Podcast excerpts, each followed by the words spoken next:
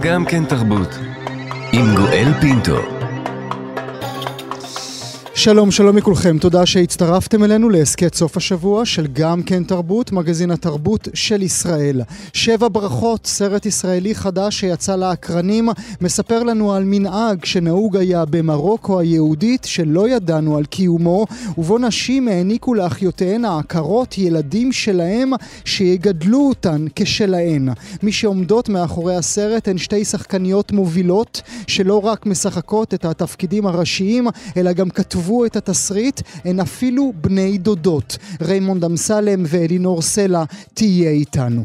נדבר גם אודות החודשים הארוכים של תהליך פירוק החברה הישראלית שאנו חווים, וזה הביא אותנו לשאול מה חלקה של התרבות והאומנות בכל הקורה בארץ בחודשים האחרונים. האם מלבד הביקורת, תפקידה של האומנות גם לאחד, להושיב את כולנו סביב מדורה אחת ולספר סיפור אחד? נדבר בזה. וגם על זיכרון השואה, האם אינטרסים מפלגתיים צרים מחלחלים אל הקדוש מכל? האם גם המאבק באנטישמיות מנוכס לצרכים פוליטיים? אימא ובן, אמיר טיבון וגלי מיר טיבון, הוא הכתב הדיפלומטי של הארץ, היא חוקרת שואה, בת של ניצולי שואה, יהיו איתנו. עורך המשדר יאיר ברף, עורכת המשנה ענת שרון בלייס, על ההפקה מיכל שטורחן, האזנה נעימה. גם כן תרבות. היא מנהלת בנק עם תואר שני בכלכלה. היא חיה בצרפת ומגיעה לישראל כדי להתחתן עם אהובה. כשהיא פוסעת אל החופה, שתי נשים אוחזות בה, כל אחת בזרוע אחרת, האימא הביולוגית שלה והדודה שלה, האחות של אימה. לכאורה שמחה, לכאורה אושר, קצת מוסיקה קלאסית, לרכך את לב משפחת החתן שהגיעה מצרפת, קצת מעוואלים, לשמח את לב משפחת הכלה, אבל מתחת לפני השטח הכל מבעבע. כך נפתח שבע ברכות, סרט ישראלי חדש שצלילים ממנו אתם אה, שומעים אה, כרגע. הסרט יעלה מחר לאקרנים, רגע לפני שהוא מתחרה ביום ראשון בטקס פרסי אופיר, שם הוא מוביל במספר המועמדויות. זה סרט נפלא, נתחיל בכך, אתם צריכים לראות אותו. תצוגת משחק מרהיבה של קאסט נשים מהאגדות, בימוי ועריכה נפלאים של איילת מנחמי, שחוזרת לביים לקולנוע 16 שנים אחרי נודל שלה שזכה להצלחה. בלב הסרט, אם אני צריך לנסח אותו בשורה אחת, עומדת השאלה איך מפסיקים לסבול, איך משחררים את הכאב, איך סולחים לעבר. גיבורת הסרט, מרי, כמה שהיא אלגנטית במראה ובדרך בה היא מחזיקה את עצמה, ככה היא גם מלאה בעצב, כאב, אפילו טינה. עצב, כאב וטינה על שמסרו אותה כשהייתה תינוקת. רק בת שנתיים, אמה מסרה אותה לאחותה העקרה, שתגדל אותה כשלה. אני רוצה שתרדו על ארבע, היא תאמר באחת הסצנות המרהיבות בסרט, שתבקשו ממני בדמעות שאני אסלח לכם. מי שעומדות מאחורי שבע ברכות הן שתי שחקניות, שאם אצטרך להתחיל למנות את כל מה שהם עשו, לא תישאר לי תוכנית. במקרה הזה הן לא רק משחקות את התפקידים הראשיים, אלא גם כתבו את התסריט. הן אפילו משפחה, בני דודות. ריימונד אמסלם, בוקר טוב לך. בוקר אור. איזה כיף, איזה פתיחה יפה עשית לנו להציג ככה את הסרט ואותנו, תודה. תודה שאת נמצאת איתי הבוקר, ולצידך אלינור סלע, שלום אלינור. בוקר אור, איזה מרגש לשמוע מבט חיצוני על הסרט שלנו. על הסרט הכל כך יפה הזה שלכם. Uh, רמונד, אני אתחיל איתך ובאנגלית ברשותך. Do you speak okay. English if you are going to the Oscars? Uh, I wish, I wish. תחזיקו לנו אצבעות, אין לדעת. כי מה? כי, כי, כי זה הכיוון, נכון? Uh, תראה, לזכות בפרס אופיר זה כבוד, זה שמחה, זה לא משנה חיים, אבל uh, כולנו יודעים. אבל לזכות באוסקר כן יכול לשנות, לעשות איזשהו uh, משהו שהוא קצת מעבר. מי, גיל... מי בעצם גילתה למי? מי מכן גילתה אה, רמונד לאלינור או אלינור לרמונד על אותו מנהג מרוקני יהודי שלא הכרתי, שנשים אה, הגישו במתנה ילדים שלהם לאחיות? שנינו הכרנו את התופעה, אבל הרעיון הגיע מאלינור והיא התקשרה אליי והציעה הציע לי פשוט להצטרף למסע משותף של כתיבה אה, בעקבות שני מקרים שהיו לנו במשפחה. אה, כמה קרוב למשפחה, רמונד? אה, שתי אחיות של סבא וסבתא שלנו נתנו בנות מתנה, או בהלוואה, כמו שאנחנו אוהבות לקרוא לזה, לאחיות הקרות שלהן. מלבד זה גם חמותי ילדה בהלוואה, ועוד אה, טרם לפנייה של אלינור, הנושא העסיק אותי בצורה אה, די אובססיבית, האמת. ופשוט היה מאץ' ברגע שהיא הרימה את הטלפון mm. והציעה את זה, זה כאילו meant to be. Mm-hmm. נמשיך באנגלית. אלינור, זה, זה, זה בלתי נתפס, נכון? זה, זה, זה מעולמות אחרים, זה משהו שכותבים, משהו שקוראים בספרים ורואים בסרטים, נכון? לגמרי, ואפילו שזה מתוך המשפחה זה עדיין בלתי נתפס. זאת אומרת, כש, כשיצאתי לדרך אמרתי לעצמי, לא יכול להיות שגם כן, הם, זה בטח שקרים של נשים זהו, זקנות, כן, זה לא כאילו, באמת. לא, ו- ולא, ו- ולא יכול להיות שאימהות היא משהו שהוא תלוי תרבות, כאילו, איך יכול להיות? רמונד ואני שאלנו את עצמנו כל כך הרבה פעמים אם אנחנו היינו נותנים את הבת או הבן שלנו לאחות, לאחותינו הבאמת אהובות, ולא היינו עושות את זה mm-hmm. כנראה.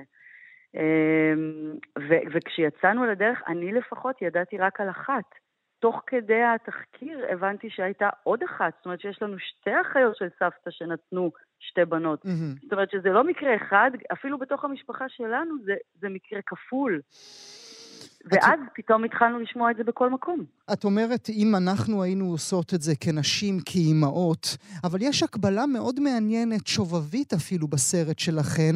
אתן mm-hmm. מקבילות את זה לפונדקאות עכשווית. זה מה שקורה הרי בפונדקאות, אי אפשר, אז יש אישה אחרת שעושה את זה במקומי, וככה אותן נשים תפסו את המעשה האלטרואיסטי שלהן. בסרט אנחנו אומרים, יש פתאום הבנה של uh, האימא הביולוגית בעצם של מרי, שאומרת, זאת הייתה הפונדקות שלנו. זה מה שהיה לנו. זאת אומרת, אם היה את הטכנולוגיה שיש לכם היום, אה, ואנחנו באמת כאילו פוגשים אנשים, היה, הייתה לנו הקרנה ממש לא מזמן, והיה שם פרופסור לגניקולוגיה, שאמר שזה... איך הוא, איך הוא, איך הוא הגדיר את זה, לינור? הוא, הוא אמר שהוא ממש אה, עוקב וחוקר אה, סודות של פוריות. זאת אומרת שיש כל כך הרבה סיפורים mm, סביב mm, הדבר הזה. Mm. אה, ובאמת, אה, זה, זה, זה צריך להבין שזה תלוי נסיבות. זאת אומרת, הרבה פעמים אנחנו, כשאנחנו קופצים לשפוט אה, תופעות או התנהגויות, אנחנו שוכחים שזה תלוי נסיבות. זה תלוי תקופה, תלוי תרבות. ברור, כן, וזה מה שעזר לנו לא לשפוט אותם, אלא באמת לכתוב את זה עם המון אהבה. עם המון אהבה, וזה מופיע בסרט. לא, לא בלי ביקורת, אבל, עם, אבל עם אהבה גדולה. אני רוצה רגע היום של... אנחנו עונות שלא היינו נותנות, אבל אם היינו בשנות החמישים במרוקו, מה אנחנו יודעות, באמת, כאילו, בשנות ה-60, שנות ה-60. זה, זה מה שהיה, גם הקהילתיות של המשפחה, המבנה המשפחתי השבטי היה אחר, כולם היו גרים אחד ל... ותרגיע אותי, זה, זה, אפ... זה, זה אפילו נשמע יפה באיזושהי צורה כשאתה מנתק את עצמך, ובוודאי לא הילדים יופי. שלך וכאלה. אתה... טוב, נשים נקודה ברשותכן, כדי שהקהל שלנו שמאזין לנו עכשיו לא יחשוב שמדובר ב-40 אה, טון כובד של סרט, נכון. כן? אה, באמת, מדובר בבלגן אחד גדול, בשמחה מאוד גדולה. באהבה מאוד גדולה. טיקי דיין עושה בסרט הזה תפקיד כמו שלא ראיתם אותה מעולם מאז אה, חנוך לוין. לא ראיתם כזה תפקיד כמו שהיא עושה אה, בסרט הזה. אה, רמונד, מה זה לעזאזל שתן עם קורקום? אמ, האמת שבאחד הפגישות שלנו, נשואות המחקר שלנו, מרי תורג'מן היקרה, ש... אה, פתחה את ליבה ואת סיפורה האישי בפנינו. היא סיפרה לנו שזה היה עונש מקובל, שהיא הייתה...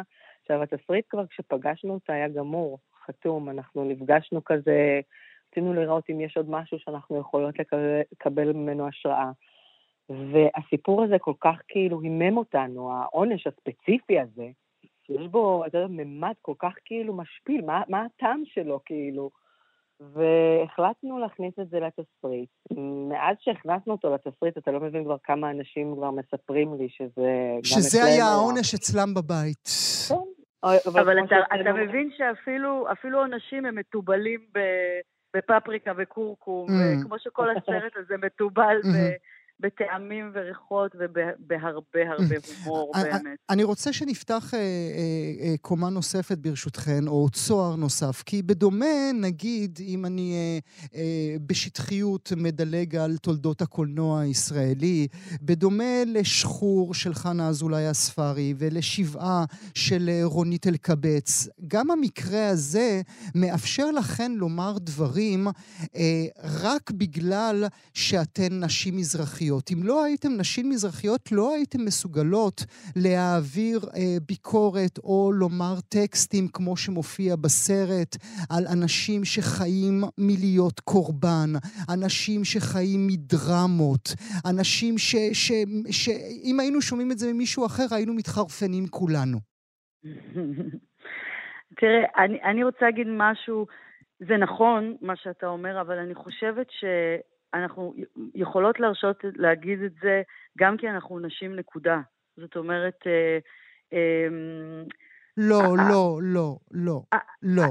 תראה, לא. המרוקאיות בסרט היא, היא, היא בועטת ופועמת, והיא היא, היא, היא, עם כל הגאווה שלנו לתרבות המפוארת שבאנו ממנה.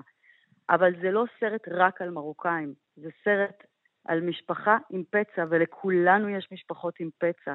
ואנחנו יכולנו להרשות לעצמנו ביחד עם עין חיצונית של אה, במאית לא, אה, אבל טקסטים, אבל, אבל טקסטים של אכלו לי, שתו לי וקורבנות, נכון. זה, טק, זה טקסטים אה, שרק אה, מרוקאיות יכולות לומר בסרט מרוקני.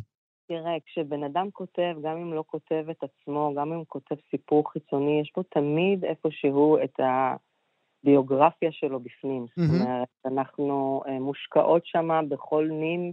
וכל דבר הוא גם קרה לנו וגם לא קרה לנו, גם ראינו וגם חווינו וגם הסתכלנו מהצד וגם שלנו ולא שלנו.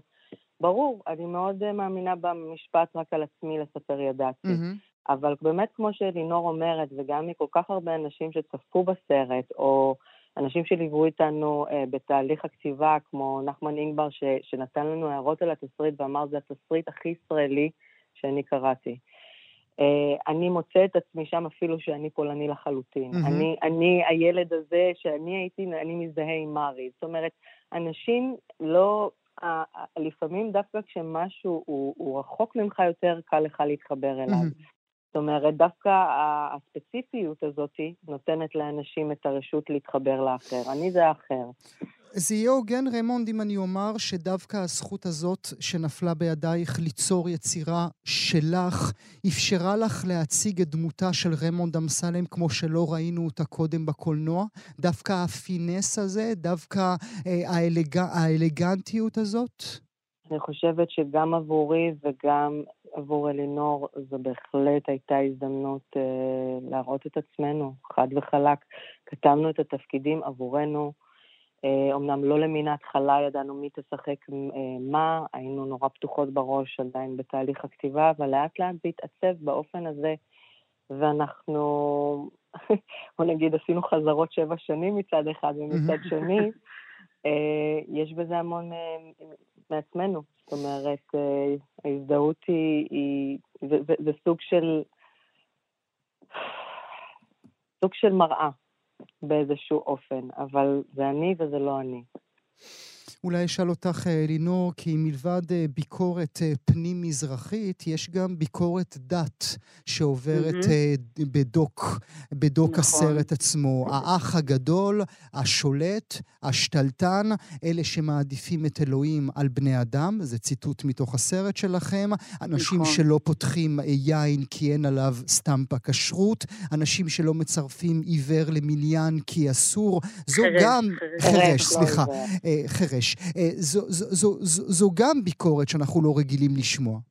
לגמרי, והיה לנו מאוד חשוב להגיד את זה, כי בחוויה שלנו, דווקא הדור של הסבתות והסבים שלנו, שהסבא שלי למשל היה בן אדם דתי, אה, הייתה שם דת מאוד גמישה ומאוד אה, מקבלת ומאוד פתוחה. ובתחושה שלנו, לאו דווקא במשפחה המורחבת שלנו, אבל באופן כללי, אה, דווקא הדורות הצעירים הולכים ומקצינים, הולכים ומחמירים, והיה מאוד חשוב לנו להגיד את זה, ש... אנחנו מקווים שהעולם הולך קדימה, לא אחורה. כן, אבל לכולנו, ו... אם את מרשה לי להכניס את עצמי כן. לתוך האוהל שלכם, לכולנו יש את האח הבכור הזה. Uh, זה נכון, ו- ולכן uh, אני מאוד מקווה, uh, למשל הדוד החירש הוא אח של סבתא שלי. Mm, האמיתי. האמיתי. האמיתי. דוד, הוא... במציאות קוראים לו דוד עמנואל. Mm. אני כל פעם מצטמררת מזה שאומרים אין מניין, אני אומרת, אבל יש, הנה, 1, 2, 3, 10, לא, אבל דוד ג'וזף חירש, הוא לא, הוא לא נספר למניין. אה, דוד עמנואל, סליחה, אני קוראת לו כמו בסרט. כן. וזה, וזה נשבר הלב, וזה המקומות שכל כך רצינו להכניס לתוך הסרט כדי שאולי, תראה, אנחנו מאמינות שאומנות באמת, אבל לא בנאיביות ולא בקלישאה, שאומנות עושה שינוי, ואומנות יכולה לעשות שינוי, mm. ו- ו- ו- וזה בתוך הסרט, mm. וכל אחד ש... כן. טוב, אני, אני, אני חושב ששוב לקחנו את ה-40 אה, טון, 40 אה, טון של שיח, כי באמת כל הרבדים האלה קיימים בסרט הזה. אולי רמונד... אז שהקהל יגיע לקולנוע, ואז הוא יגלה שגם צוחק וגם הרבה דברים אחרים. אני כבר אומר לך שאנחנו אה, בוודאי נכריז כאן בתוכנית בעוד שבוע, שבועיים, על כך שהסרט מושך המונים לבתי הקולנוע. אה, אה, אין ספק בכך. אה, רמונד, תגידי לי מה זה, כי אני לא דובר את השפה, תגידי לי מה זה אסטף קרלק. מה זה מזכיר לך? אסטי קרלק. מה זה מזכיר לך? זה משחק שאת משחקת אה, בסרט, אתן משחקות אה, בסרט. משחק ילדות שלנו כביכול. אז, אז ראה, אז תלמדי אותי, כי לא הבנתי את הכללים ובא לי לשחק את זה בבית. מה, מה עושים? מה צריך לעשות? אני אומרת לך, אז תזכר אה, שמיים. אני נותנת מילה, ואז אתה צריך להגיד את האסוציאציה הראשונה שעולה לך מהמילה שמיים. אוקיי. Okay. ואז אני צריכה על, האסוציאצ... על המילה שאתה אמרת ללכת לאסוציאציה שלי, וככה זה ממשיך. אבל בסרט היא כל פעם תוקעת, זאת אומרת, אה, אחותי אירית אף פעם לא מרוצה מהאסוציאציה שעולה לי. טוב, כי עסוקות לריב, עסוקות לריב. עסוקות... יש הרבה מתחת לפני השטח. Mm. יש הרבה אהבה, אבל mm-hmm. אה, יש עבר, יש מיטה. Mm-hmm. אז אולי אה, לסיום, אה, רמונד, אסטף כן. קרלק, אהבה. אהבה, אחותי אלינור, בזו התקופה. וואו. אלינור, אסטף קרלק, הצלחה. הגשמה וחוסר החמצה. שזה הרגע בו את נמצאת. לגמרי. שבע ברכות, שבע ברכות בסוף השבוע אה, על מסקי הקולנוע רמונד אמסלם. אלינור סלע, תודה שהייתם איתי הבוקר. תודה, תודה רבה. גם כן תרבות. זה חודשים שאנחנו בתוכנית מסקרים את המחאה הגדולה ברחובות ישראל, מחאה שעל פי דבריו אמש של המפכ"ל קובי שבתאי השתתפו בה עד כה שבעה מיליון מוחים. בחודשים האלה בחנו את מקומה של התרבות במחאה מתפקידם של האומנים משני הצדדים, התומכים ברפורמה המשפטית והמתנגדים להפיכה המשטרית, דרך, דרך אוזלת ידם של מוסדות התרבות המתוקצבים ועד תפקידן של מערכות החינוך והאקדמיה. רק אתמול בתוכנית עסקנו בהתעוררות החינוך הממלכתי החילוני, ושמענו שוב, כמו ששמענו פעמים רבות בעבר, טקסטים של פרידה, היפרדות, חלוקה, אנחנו כאן, אתם שם. מי הם האנחנו, מי הם האתם, תלוי את מי שואלים. החילונים מול החרדים, היהודים במעלה אדומים נגד הערבים, קהילת יוצאי אתיופיה שבוכים את מותו של רפאל עדנה בן הארבע שנדרס נגד הישראליות, וכמובן, ככותרת על, ישראל ישראל נגד יהודה. עסקנו רבות בביקורת, שאלנו מדוע מוסיקאים לא מביעים דעתם, תהינו מדוע האומנים לא משתמשים בכוחם, וביקרנו את המוסדות שלא עושים די. אבל מה שלא עסקנו בו, היא שאלת כוחה של התרבות דווקא לאחד, ואולי אפילו יותר מכוחה, אולי אפילו תפקידה של האומנות לאחד. האם התרבות והאומנות שכולנו העלינו תמיד על נס את תפקידה לפרק הכל, לבקר הכל, לחבוט, לנתץ, יש חלק בפירוק העם, ואם כן, האם יש דרך חזרה. שתי חכמים איתנו, נברך לשלום את מייסד בית הספר הגבוה לאומנות פרדס, כעת מוביל יוזמה חדשה להקמת הכור, לא ההוא בדימונה. פורת סלומון, בוקר טוב לך. בוקר טוב, גואל, תודה רבה שאתה נמצא איתנו הבוקר, ולצידך ההיסטוריון וחוקר הזמר העברי מוטי זעירה. בוקר טוב, מוטי. בוקר טוב, גוי. תודה רבה שאתה נמצא איתנו. פורת, האם אה, יום הכיפורים שבפתח יחייב את כל עולם התרבות, גם אותנו, לומר אה, אשמנו? אמ, אני, קודם כל כן. אני חושב ש... אתה יודע, שמעתי את הפתיח שלך, ועלו בו שאלות על התפקיד של התרבות, ואם יש לה תפקיד, אבל קודם כל אני רוצה להוסיף מילה אה, חשובה, אחריות. אה, ואני רוצה קודם כל להעלות את התמיהה הזאת, של בעצם אה, איך זה שלא מתקיים פה דיון לפני שאנחנו אומרים מה, מה התפקיד קדימה של התרבות, אלא מה... מה האחריות? מה אחריותה של האומנות הישראלית על התפרקות החברה.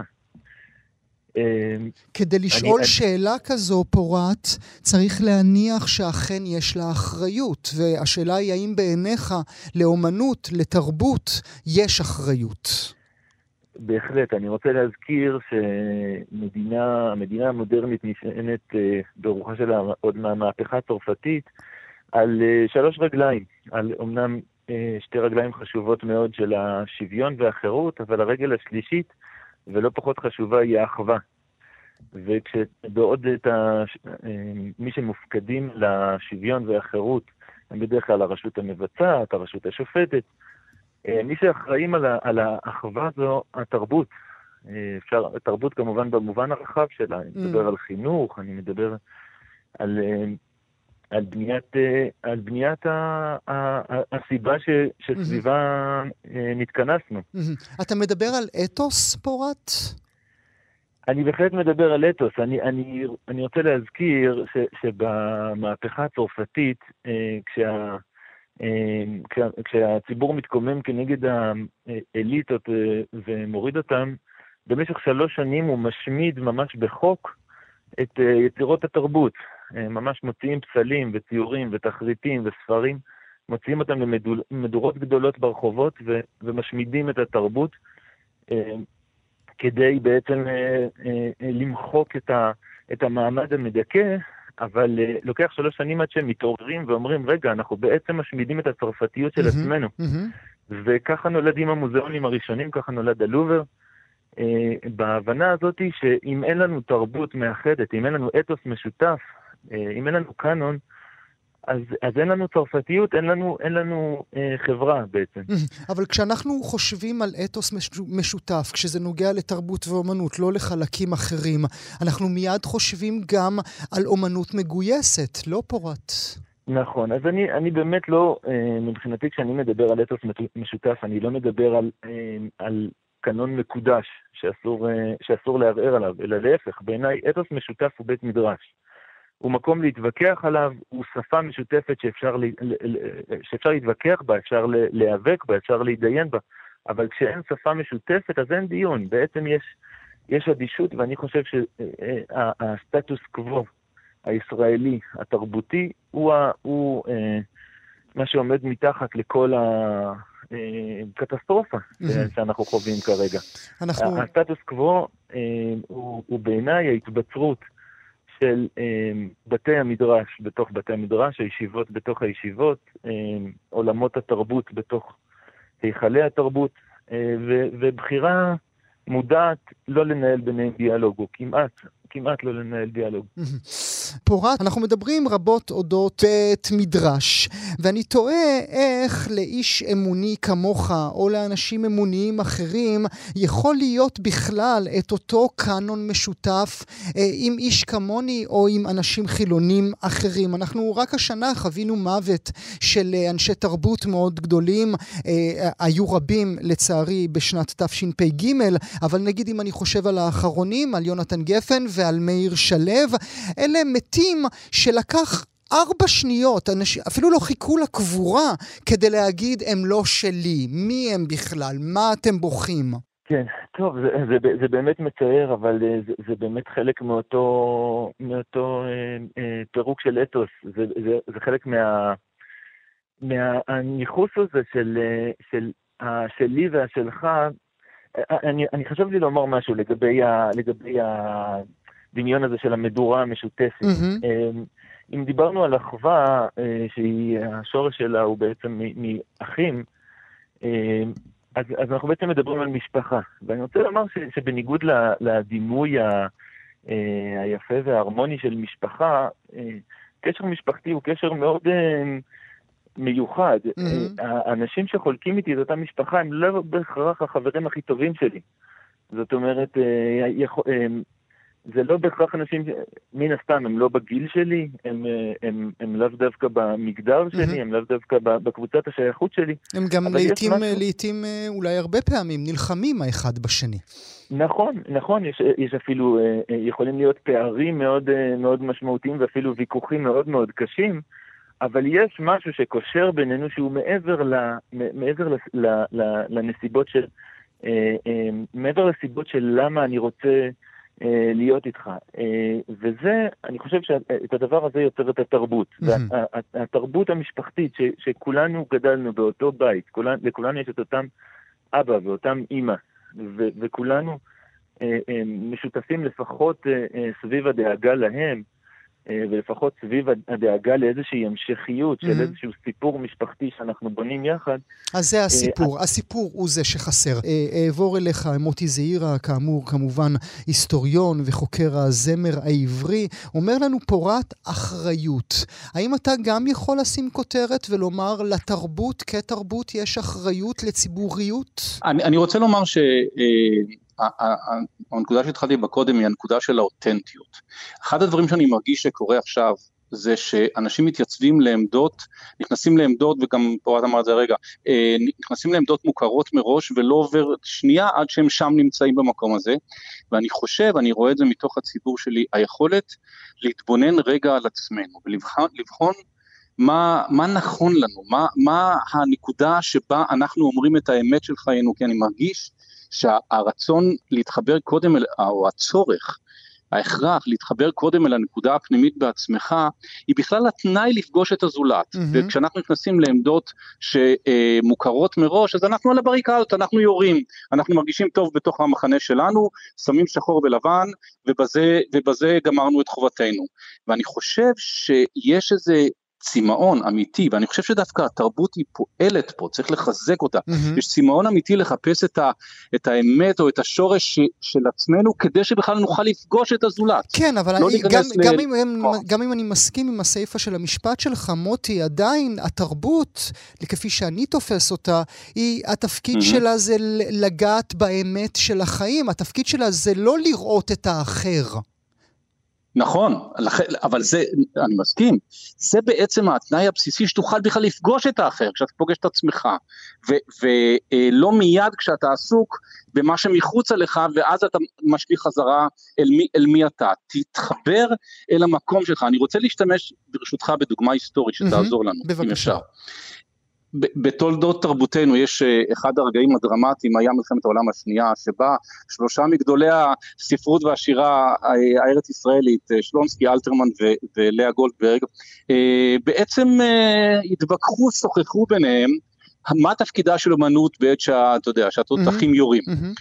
וזה מעניין לראות שכל אחד מצא את הנקודה המיוחדת שלו, שלונסקי שהיה בהתחלה איזה מין אסתטיציסט כזה שבכלל לא עסק רק בקוסמופוליטיות, עובר לשירה מגויסת לחלוטין ומתרגם את קלאסיקות נהדרות משירי הצבא הרוסי ובקהלת הצבא האדום ועוד mm-hmm. שירים רוסיים שיחזקו את, את, את הלוחמים.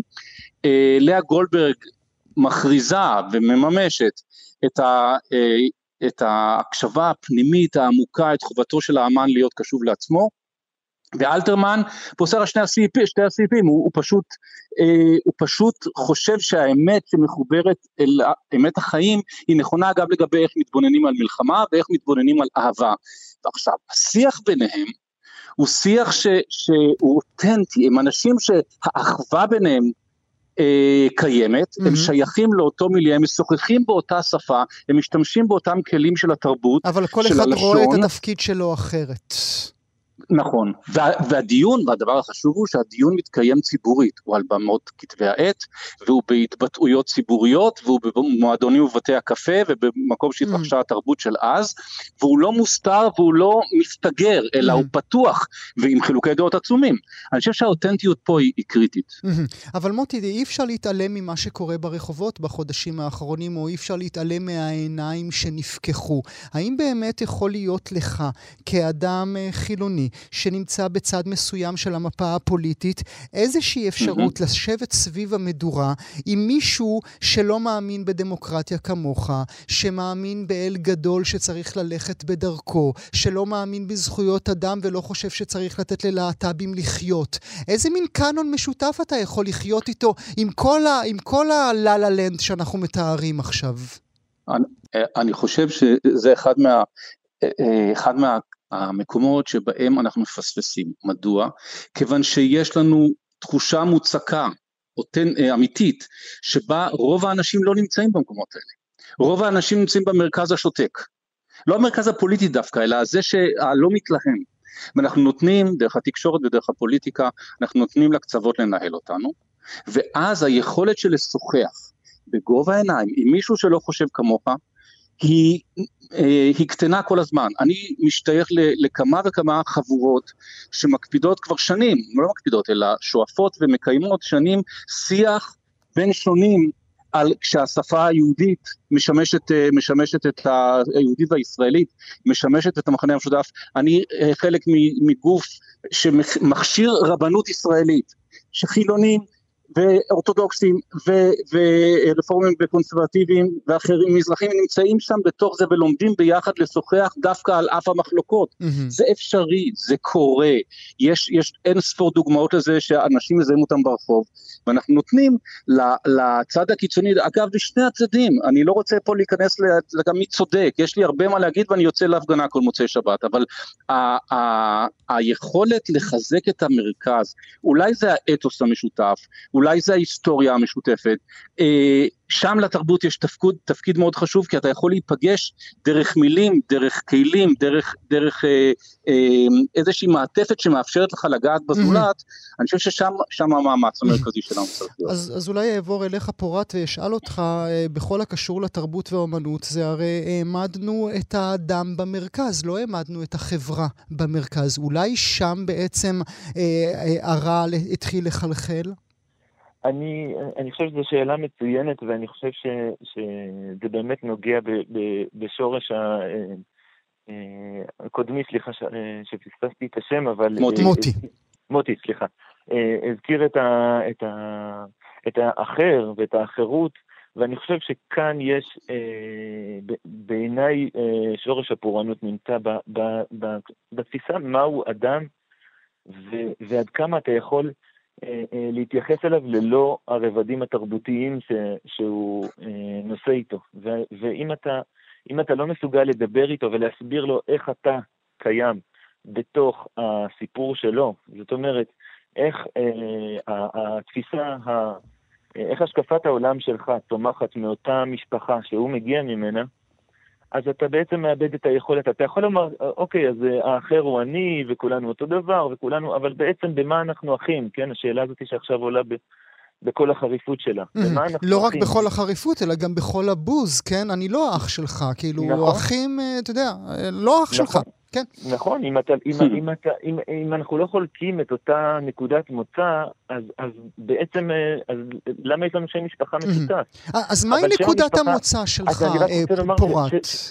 אני רק רוצה לומר ששם המשפחה המשותף הזה הוא בעצם היכולת להסביר איך אני צמחתי מתוך אותה שפה שאתה, שאתה משתמש בה, ולהסביר לך את השקפת העולם ולהתווכח איתך במלוא החריפות על השקפת העולם שלי, בתוך השפה שלך, להסביר לך איך אני, איך אני יהודי, לא פחות ממך, בתוך, מתוך המקורות היהודיים שלי, מתוך השפה היהודית. ואת הדבר הזה, אני חושב שלשני הצדדים ויתרו. אני רוצה להזכיר שהרב קוק למשל, ו- ואני, וכאן אני רוצה להפנות את הביקורת דווקא אל, אל העולם שלי, ולומר שהרב קוק הקפיד ויש לו חליפת מכתבים אה, אינטנסיבית מאוד עם כל הסופרים של בני זמנו, שהוא כותב להם ביקורת ספרות על, ה- על הספרים שלהם, ומתווכח איתם בתוך, ה, בתוך השפה אה, אה, שלהם על, על, על, על את, ה, את, ה, את הוויכוח, ה, נקרא לזה הדתי-חילוני, או היהודי-ישראלי. אבל את, את, על הדבר הזה ויתרנו לגמרי, אני לא מכיר, אני, אני לא מכיר כמעט, אני אומר, לא, לגמרי אני כמובן מגזים, יש... כל מיני אה, כן, במידה רבה, כמו שמוטי אומר, אנחנו מדברים על הקצוות. אני לא בטוח, נכון. ואולי בזה אני מסכים עם מוטי זעירה, אה, אני לא בטוח שה, שהלב, או המרכז, או הליבה, נמצא במקומות האלה. כן, אז אה, לגבי, לגבי uh, האומנות ששאלת, אני, אני חושב שקודם כל יש אחריות uh, גדולה על uh, מוסדות האומנות uh, ל, ל, ל, לחנך את, ה, את האומנים הצעירים. אה, שהם המשך של דבר. הם לא נולדו, מה, הם לא, לא נולדו מהים והם לא באו מהחול, הם המשך של תרבות, הם המשך של שפה. אה, איך זה שבבצלאל לא מלמדים תנ"ך, למשל? איך זה שלא, אה, אתה יודע מה, אני, אני, איך זה שלא עובדים עם, עם יודאיקה לא ברמת הגימיק, אלא ברמת להבין את, ה, את המניעים ואת השפה ואת התרבות של אנשים שיצרו מתוך זה ו, ו, ולראות את אני, אני חושב שהתשובה היחידה שעולה לי כרגע בראש אה, לענות לך מטעם בצלאל או כל מוסד אה, אומנות ותרבות אחר, זה שזה תמיד מגיע למקום הזה שהמוסדות החילונים הם אלה שמכניסים את האחר פנימה ואף פעם לא המוסדות האחרים. בתי, המדר... בתי המדרש עליהם אתה דיברת קודם אה, לא יכניסו את גדול... גדולי האומנות, אה, תרצה אתר, חיים חפר ומוסינזון, שמוטי זעירה עסק בהם בספרים האחרונים שלו. זה תמיד צד אחד שמקבל את הצד השני. אני, אני, לא, אני לא מסכים, אני חושב שזה בהחלט uh, קיים, וקיים בכל מיני, uh, גם בישיבות, גם בכל מיני במות אחרות, אבל, אבל, אבל אדרבה, אדרבה. אני חושב שזה בדיוק, אם חשבנו עד עכשיו שזה איזה מין... אני יודע, איזה מין שעשוע תרבותי, זה ממש הפך לפיקוח נפש. פיקוח נפש, בדמנו של ממש. ממש חייבות להפיל את השערים שלהם, לצאת החוצה ולצאת עם הסטנדרים וללמוד בכיכר הבימה לצורך העניין. וללמוד שם בין היכל התרבות לתיאטרון הבימה. ולנהל את השיחה הזאת. זה לא, זה לא, זה לא יעבוד, זה לא יעבוד, זה לא ימשיך ככה, ו... בוא נשים ו... אה, נקודה ברשותך, מוטי, אה, נסיים איתך. הזכרתי את ספריך האחרונים, גם אה, תרצה אתר, גם חיים חפר, גם יגאל מוסינזון. מה הם היו אומרים השלישייה הזאת, אם הם היו איתנו עכשיו? אני דווקא הייתי בוחר להביא מישהי שלא הזכרת, שכתבתי את הביוגרפיה שלה, וזאת נעמי שמר, mm. ש... שאני חושב שיש בה, מעבר לזה שהיא משמשת חלק מאותו, היא חלק מהחומרים האלה של האתוס המשותף דווקא, שיש לנו, אה, שיכול לחבר קצוות, לא בבנאליות, לא במתק שפתיים, אלא בזה שהיא גם הייתה, היא ידעה להגיד דברים קשה ולהגיד גם כלפי הקהל שלה וגם כלפי קהלים אחרים. אני חושב שאחד הדברים שאפשר ללמוד ממנה, ולהביא אותה לחיינו, ובזה אני גם רואה את מפעל חיי, זה זה להבין שבתוך הישראליות, וזה מצטרף לפורת ממש, בתוך הישראליות, אי אפשר להבין את הישראליות בלי העומק היהודי, ואי אפשר להבין את העומק היהודי בהנחה שהוא חד-מימדי ואפשר לפרש אותו רק בדרך אחת, כמו שרבים אה, נוהגים לדבר בשיח הפוליטי מהצד הזה, שאומרים יש לי יהדות רק אחת ויש טוב יש רק ברור מה נכון ומה לא נכון. אני חושב שהיכולת להבין לעומק יצירות, שאפילו את השירים הכי פשוטים שכולנו שרים בלי לשים לב, של נעמי שמר, כדוגמה, mm-hmm, זה mm-hmm. גם יכול להיות נכון על, על אחרים, mm-hmm. אה, מבלי לראות את כל, הרוב, כל הרבדים התרבותיים העמוקים שהם שלי ושלך ושל פורת באותה מידה, בשוויון. זכויות, רק, ובלבד שנהיה פעילים ביחס לזה, ובלבד שנשלח ידיים ונלמד ונשיר ונלוש ונתווכח, אבל נהיה מאותוך, מתוך אותו הקשר ומתוך אותם אה, מושגים. דיון מעניין עד מאוד, אנחנו נמשיך ונעסוק בו. נודה לשניכם, מוטי זעירה ופורת סלומון, תודה רבה לשניכם שהייתם איתי הבוקר. תודה רבה. גם כן תרבות. שתי כותרות הנוגעות לזיכרון השואה היהודית נחשפו השבוע. הראשונה שיצרה הד היא חשיפה של חדשות 12, שסיפרה על ניסיון של שר החינוך יואב קיש להדיח את דני דיין, יושב ראש יד ושם, מתפקידו. הסיבה, כך לימדו אותנו, היא הזמנת הזמרת קרן פלס, שהתבטאה בעבר נגד פעילויות הממשלה, ואף לקחה חלק במיזם סיפורה של שפחה, לשיר בטקס יום השואה של יד ושם. זה הספיק כדי לבקש את הדחת יושב ראש המוסד. ולא רק זה, אלא גם להוציא דיבתו, כאילו יש בעיות בתפקוד הניהולי שלו. הכותרת עשתה הדים לא רק בישראל, אלא גם מחוצה לה. הבוקר 120 חוקרי שואה מהחשובים בעולם שולחים מכתב פתוח לראש הממשלה נתניהו ולשר החינוך יואב קיש, ואומרים התערבות פוליטית ביד ושם מסכנת את זיכרון ששת מיליון היהודים שנספו בשואה ותפגע במעמדו של יד ושם.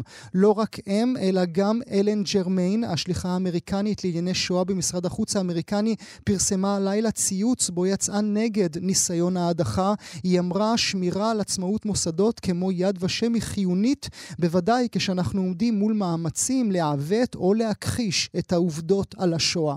לעוות או להכחיש את העובדות על השואה, השורה הזו בלבד מובילה אותנו לכותרת השנייה, כותרת שפורסמה על ידי איש הארץ, אמיר טיבון, שסיפר כי בהנחיית שר החוץ, אלי כהן, נפגש שגריר ישראל ברומניה לראשונה עם מנהיג מפלגת הימין הקיצוני הרומנית, מפלגה שבעברה גרסה כי שואת יהודי רומניה הייתה אירוע מינורי.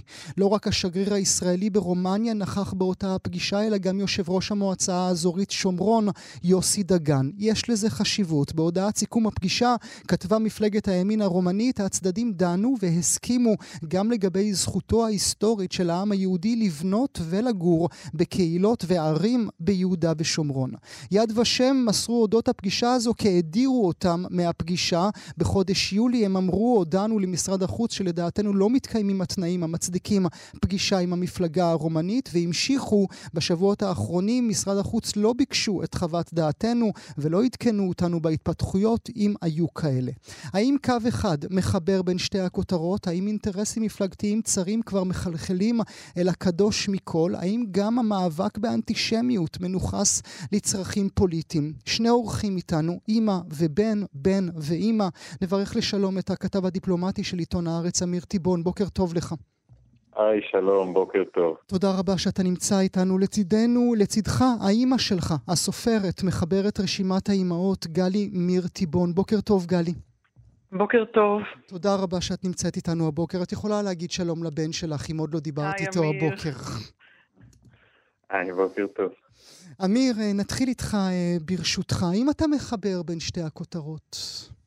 כן, בהחלט. אני חושב שהניסיון להדיח את דני דיין, בלי לזלזל באירוע של קרן פלס והדיווח שהיה בחדשות 12, הוא נח על עוד כמה אירועים. דני דיין מוביל את יד ושם בתור אה, גוף מקצועי שיש לו חשיבות בינלאומית אדירה בכל הנוגע לזיכרון השואה, זה גם מה שאמרו בסוף השבוע בממשל האמריקאי. והוא נחוש לשמור על העצמאות של הארגון הזה. והעצמאות של יד ושם כרגע עומדת למבחן מאוד משמעותי. כי הממשלה הנוכחית, יש בה כוחות שמובילים איזשהו מאמץ לגייס את יד ושם, ובעצם את מדינת ישראל כמדינת היהודים כמותג, למסע הלבנה של מפלגות ימין קיצוני באירופה. אני אסביר את זה ככה, זה דורש טיפה להאריך ממש דקה וחצי. בבקשה. שורה של מפלגות, ברומניה זו דוגמה אחת, מפלגת AUR, שזו מפלגה עם היסטוריה ארוכה ועדכנית, אני לא הולך אחורה לשנות ה-70-80, אלא ממש מהשנה, שנתיים האחרונות. היסטוריה ארוכה ועדכנית של הכחשת שואה, של הערצה והאדרה של פושעי מלחמה שהיו שותפים לרצח העם היהודי ברומניה, אנטישמיות, ויש עוד דוגמאות לזה ברחבי היבשת. המפלגות האלה מחפשות לגיטימציה, גם בתוך המדינות שלהן, וגם בארצות הברית, במוסדות האיחוד האירופי, והם הבינו שאפשר לעשות איזשהו דיל עם הממשלה הנוכחית בישראל.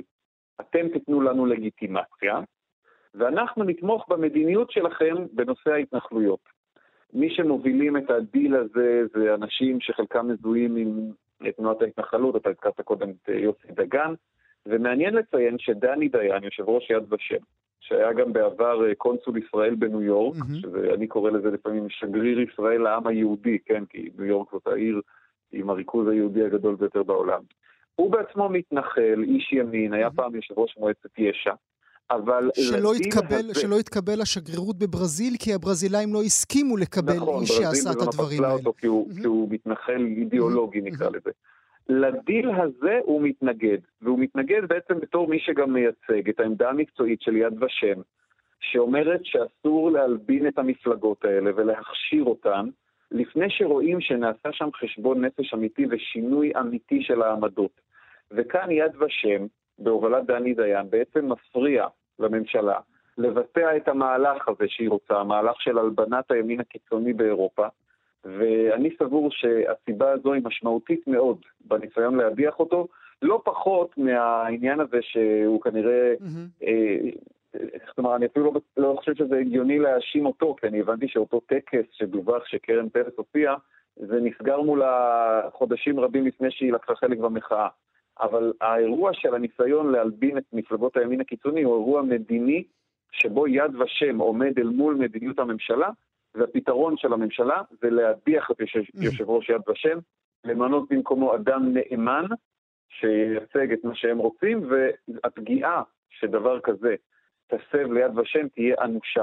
בעצם יד ושם יהפוך למוסד פוליטי שכפוף למדיניות הממשלה ולצרכים הפוליטיים והאינטרסים הרגעיים שלה, ויאבד את החשיבות האדירה שיש לו כיום בשיח הבינלאומי. כסטמפה, כסטמפה, כחותמת אה, של ממש. אנחנו צריכים להזכיר, אמיר, אה, למאזינות והמאזינים, הדברים שאתה אומר, יש להם על מה להישען, כי כבר בעבר, אה, תחת אבנר שלו, כמדומני, כאשר מדינות אחרות, כמו פולין, כמו רוסיה, ביקשו נרטיב חדש, שונה, על השתתפותם או אחריותם על חלקים מכוערים בהיסטוריה היהודית, יד ושם, לפחות בטקס אחד, כן התכופפו. התעופפו אה, מולם, והרבה מאוד חוקרים בתוך יד ושם יצאו נגד הדבר הזה. נכון, יש לזה תקדימים, ואני חושב שבאמת העמידה של אה, דני דיין באירוע הנוכחי היא חשובה, ויש כאן אה, באמת ניסיון לשים במקומו דמות שתשתף פעולה עם המהלך הזה. ושוב, אני אומר, הפגיעה במעמד של יד ושם, אני הגדרתי את זה יום חג למכחישי השואה בעולם. המוסד הכי חשוב לזיכרון השואה מאבד את האמינות שלו. אני רוצה לעבור אלייך ברשותך, גלי מיר טיבון, הסופרת, מחברת רשימת האימהות. אה, עוד רגע אשאל אותך ברשותך, עד כמה בעינייך זה מסוכן, המהלך הזה שאמיר ציין כרגע, אבל עוד לפני כן, את דור שני, נכון?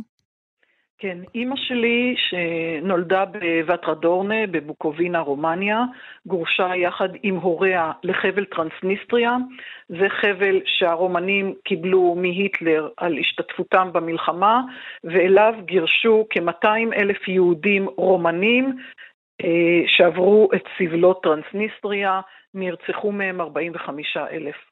יהודים רומנים. המספרים... ביניהם סבא וסבתא שלי. ביניהם סבא וסבתא שלך. אנחנו יודעים מה עלה בגורלם? מה היה המסלול שלהם עד המוות? אנחנו יודעים, ועוד איך, יש את יהודי בסרביה וצפון בוקובינה, שהם עברו פוגרומים נוראים מידי האיכרים והשוטרים הכפריים, הז'נדרמים, mm-hmm. עוד בדרך mm-hmm. לטרנסניסטריה, שוד, אונס, רצח. מיהודי בסרביה הגיעו רק 12 אלף לטרנסניסטריה, אז, אז ת, תבין כמה נרצחו בדרך. מיהודי דרום בוקובינה, שאימא שלי... אני, אני, אני רק אשים כוכבית ברשותך, למה זה מאוד חשוב, מאזינות ומאזינים, מה שגלי אומרת כעת? כי זה לא רק הנאצים, זה הנאצים ועוזריהם, זה הרומנים עצמם, וזה שוב הניסיון הזה ללבן וליצור נרטיב חדש, כאילו זה לא הם, זה האחרים. זה ממש חשוב לי להדגיש שבמקרה של הרומנים זה קצת שונה, כי בכל מדינות אירופה היו משתפי פעולה עם הנאצים, אבל לא ברומניה.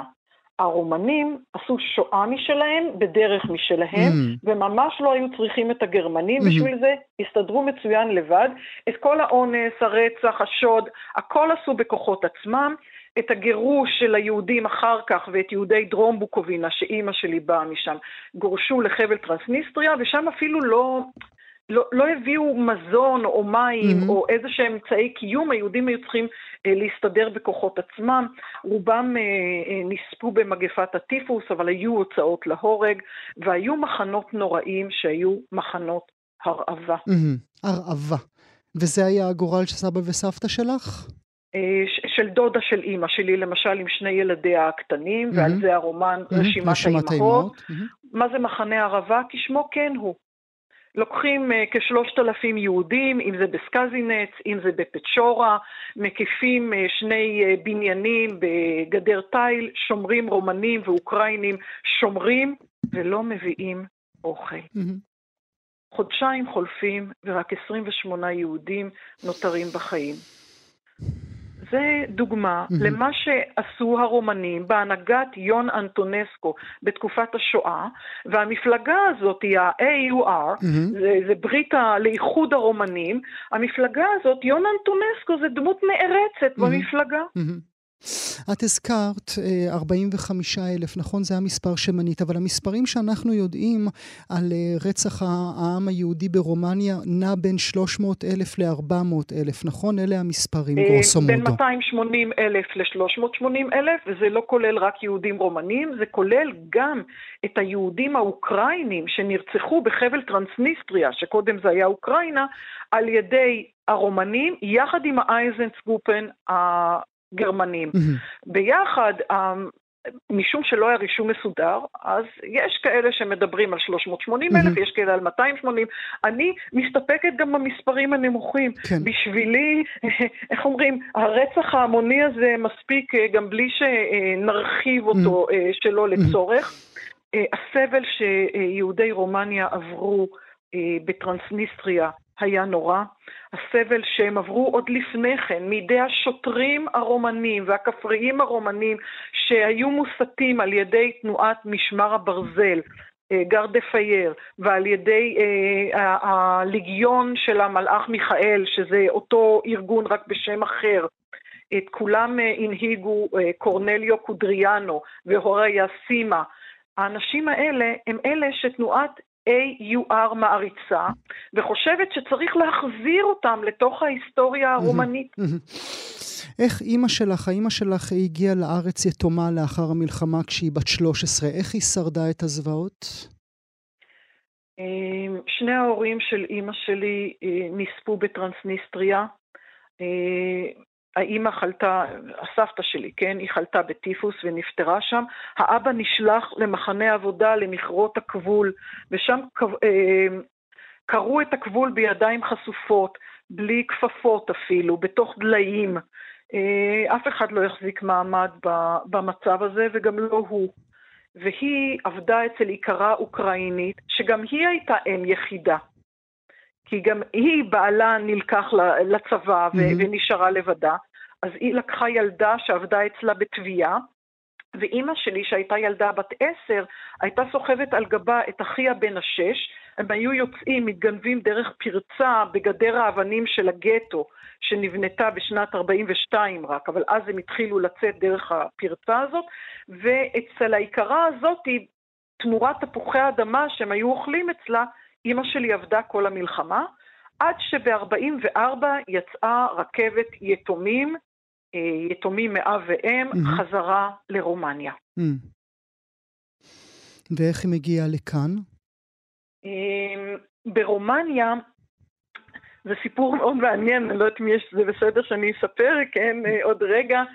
מגיעים לעיר יאש, העיר יאש הרי ידעה פוגרום נוראי, שהשתתפו בו המשטרה הרומנית, ועוד כל מיני אנשים נלהבים שמוסתים על אותו, אותו משמר הברזל ותומכים של אנטונסקו. והעיר הזו, שידעה פוגרום כל כך נוראי, נערכה לקבל את היתומים.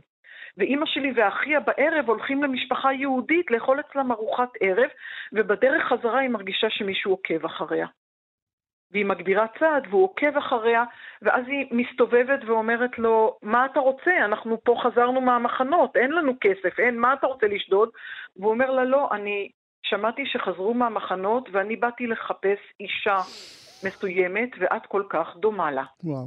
זה היה המאהב של סבתא שלי, והוא היה שייך לתנועה הציונית, והוא עם תחילת הגירושים נסע לבוקרשט, והוא חזר לחפש אותה אחרי המלחמה, והוא מוצא את הילדים, ואימא שלי אומרת לו שהיא כבר, שהאימא כבר איננה, ושואל מה את רוצה שנעשה, והיא אומרת, קח אותנו לבוקרשט לנתן קליפר. נתן קליפר נמלט מוואטרדורנה לבוקרשט עם כספו, ומשם הקים את ועדת העזרה לעזרת mm. יהודי בוקובינה בטרנסניסטריה, יחד עם הרב אליעזר הגר, שאחיו ברוך הגר היה בגטו ג'ורין שם, ושם כך עזרו ליהודים בטרנסניסטריה, והוא מביא אותה למשפחת קליפר בבוקרשט, ומשם באונייה עולים לכאן, למה שנקרא אז פלסטינה, ארץ mm-hmm. ישראל, לבית יתומים בתל אביב. אני עוד אה, רגע אבקש ממך, אם תרשי לי, אה, גלי, שתקראי לי עבורנו מעט מתוך רשימת האימהות, אבל בינתיים אעבור אליך, אמיר, אה, אם תרשה לי. כאשר שומעים את אימא שלך, ובוודאי שמעת את זה, שמעת את זה בבית, את הסיפורים הקשים האלה, מה בעצם מדינת ישראל רוצה? לתת תעודת כשרות לסיפורים האלה? לא היה, לא קרה, שכחנו, עבר זמן? כן, האמת שבשבילי כל הסיפור הזה עם אה, AUR, שאני גם דיווחתי עליו גם לפני חודש, אה, כאשר התחילו הלחצים האלה במשרד החוץ של השר אלי כהן אה, לעשות את המהלך הזה, הוא בשבילי סיפור גם אישי, ואני גם, גם כתבתי את זה אגב בטוויטר שלי, זאת אומרת, לא, זאת אומרת, זה לא רקע שאפשר להסתיר, כי כל מי ש... ובזמנו רשימת האימהות היה רב מכר במדינת ישראל, וקיבל המון ביקורות אוהדות, והיה לה שיח משמעותי, וגם אני, הרבה פעמים אנשים דיברו איתי על זה. אז זה לא משהו ש... ש... ש... שאני יכול להתעלם ממנו, שהסיפור הזה הוא אמנם סיפור שאני צריך לסקר בכובע שלי בתור עיתונאי, אבל הוא גם קשור להיסטוריה של המשפחה שלי. ובמובן הזה, אה, אני באופן אישי, יש לי דעה מאוד ברורה על העניין הזה, אבל, אבל הדעה שלי אולי פחות חשובה. אני, אני חושב שהדבר החשוב זו העמדה המקצועית של יד ושם פה, mm-hmm. ואגב, גם של אנשי משרד החוץ, mm-hmm. שרבים מהם הסתייגו מהמהלך הזה. ואני חושב שבלי מעורבות של גורמים פוליטיים חיצוניים שהם לא מתוך משרד החוץ, כמו יוסי דגן שהזכרנו, והיה איזשהו דיון בנושא במשרד החוץ, שפתאום הגיע חבר כנסת מהליכוד, עמית הלוי, שגם מקדם את התפיסה הזאת של יחסים עם מפלגות ימין קיצוני באירופה, אני חושב שבלי הלחצים האלה המהלך לא היה יוצא לפועל. Mm. כי יש הבנה שאנחנו אולי מרוויחים איזה, איזשהו משהו בטווח מאוד קצר, שאיזושהי, אחת המפלגות האלה תוציא איזושהי עמדה מסוימת שהממשלה רוצה. או עוד שגרירות בירושלים. אבל המחיר שאנחנו משלמים במטבע של זיכרון השואה הוא אדיר, וברגע שאתה מתחיל לשחק עם זה, אין דרך חזרה. יש דברים שלוקח המון המון שנים לבנות, ואפשר להרוס ברגע אחד. בשביל מכחישי השואה ואנשים שמעלים טענות אה, על מי כן השתתף ומי לא השתתף, ומה היה ההיקף וכדומה. ברגע שמדינת ישראל מאפשרת להתחמק מאחריות בצורה הזאת ועדיין לקבל לגיטימציה, הפסדנו את הקרב החשוב ביותר. והוא באמת החשוב ביותר. גלי, אם תואילי לקרוא עבורנו מתוך רשימת האימהות.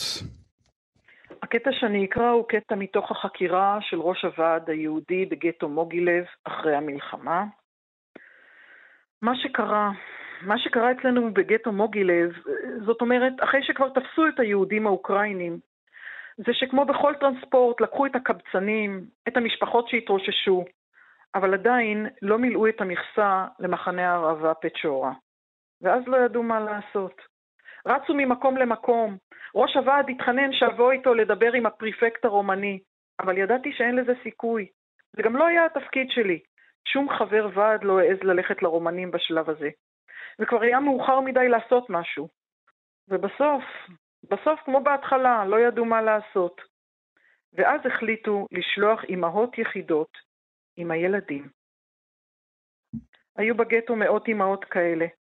נשים שהבעלים שלהן בצבא האדום, או שהן נמלטו עם הסובייטים, והיו אלמנות הטיפוס, השחפת, הרעב, ונשים שהבעלים שלהן נשלחו לעבודות הכפייה, שזה כמו אלמנות, וככה הן חיו בשולי הגטו, לקוחות קבועות של המטבח הציבורי, חיות על כל מיני עבודות תביעה והריגה, שככה ליקטו קצת מבין האיכרות האוקראיניות, שגם הן היו אימהות יחידות ומאותן סיבות בדיוק.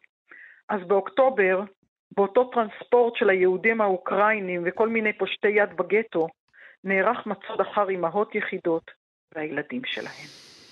אימהות יחידות והילדים שלהם, ותמיד צריך uh, לזכור את הפרק הזה בהיסטוריה. אני רוצה להודות uh, לשניכם, אמיר טיבון וגלי מיר טיבון. תודה שהייתם איתי הבוקר. תודה לכם. תודה רבה, שיהיה יום מוצלח.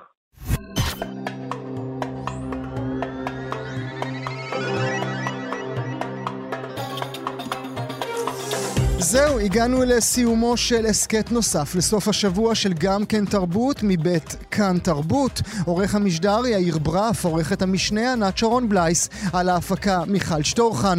תודה שהייתם איתנו. עד הפעם הבאה, להתראות.